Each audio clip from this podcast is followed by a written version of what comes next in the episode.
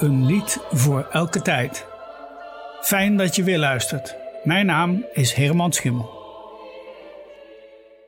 Als er geen corona was, was ik nu volop voor Korenbond de KCZB in voorbereiding geweest van een viertal landelijke concerten onder de titel Een Vogel aan de Amstel. De aanleiding daarvoor was de 100ste geboortedag dit jaar van de kerkmuzici Piet van Amstel en Willem Vogel. Maar corona gooide roet in het eten en het hele project werd afgelast. In deze serie podcast wil ik er toch graag aandacht aan besteden. Piet van Amstel krijgt misschien later nog een plekje, maar vandaag wil ik u graag iets vertellen over Willem Vogel. In het liedboek Zingen en Bidden in Huis en Kerk staan maar liefst 91 door Willem Vogel gecomponeerde gezangen.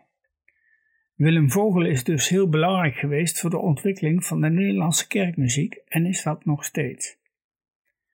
Hoewel Vogel zijn hervormde achtergrond trouw bleef, hadden zijn composities toch ook wel katholieke elementen. Luister maar eens naar het Gloria uit het lied 299f uit datzelfde liedboek van Willem Vogel. Er is in zijn composities altijd een duidelijke rol weggelegd voor de gemeente en dat hoor je ook in dit fragment.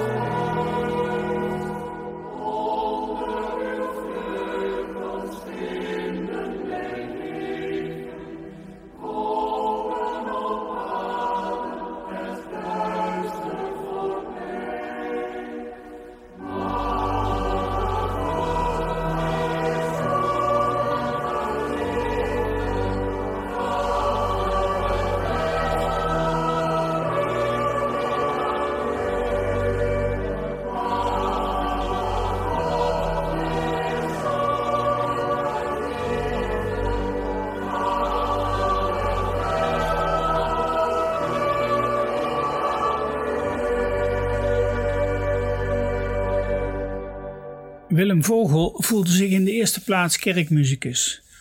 Daarom werkte hij samen met dichters en predikanten. Bijvoorbeeld de dichter Willem Barnard zegt over Willem Vogel het volgende. Wat mij altijd geboeid heeft bij Willem is dat hij zich helemaal heeft toegelegd op het schrijven van muziek voor de stem, voor de zangstem. En dan meer de stem van een gemeente, een gemeenschap, een collectieve stem, dan voor een enkele stem. Willem Vogel schreef vooral muziek voor de kerkgangen. In een uitzending van de NCV in 2000 zegt hij daarover: Ik zoek naar een muziek waarvan men zegt: kunnen we dat nog niet eens zingen? Dat die muziek zelf de uitnodiging in zich heeft om te gaan zingen. Mhm. En dat is, laat ik zeggen, mijn publiek. Dat zijn mensen die zondags naar de kerk gaan. De eerder genoemde Willem Barnard schreef ook de tekst voor het lied Wij moeten Goden zingen. Vogel schreef deze melodie oorspronkelijk voor een kinderkoor in 1959 in Oudekerk aan de Amstel. De ondertitel van het lied is Van de Lier aan de Wilgen. Christian Winter, die Willem Vogel opvolgde, noemde deze melodie de moeder van alle vogelmelodieën. En bij de uitvaart van Willem Vogel in de Oude Kerk van Amsterdam op 13 oktober 2010 werd dit lied gezongen aan het slot van de dienst. In deze opname wordt het gezongen door Kleinkoor Caprice in een arrangement van Bram Stellingwerf, die ook het koor leidde.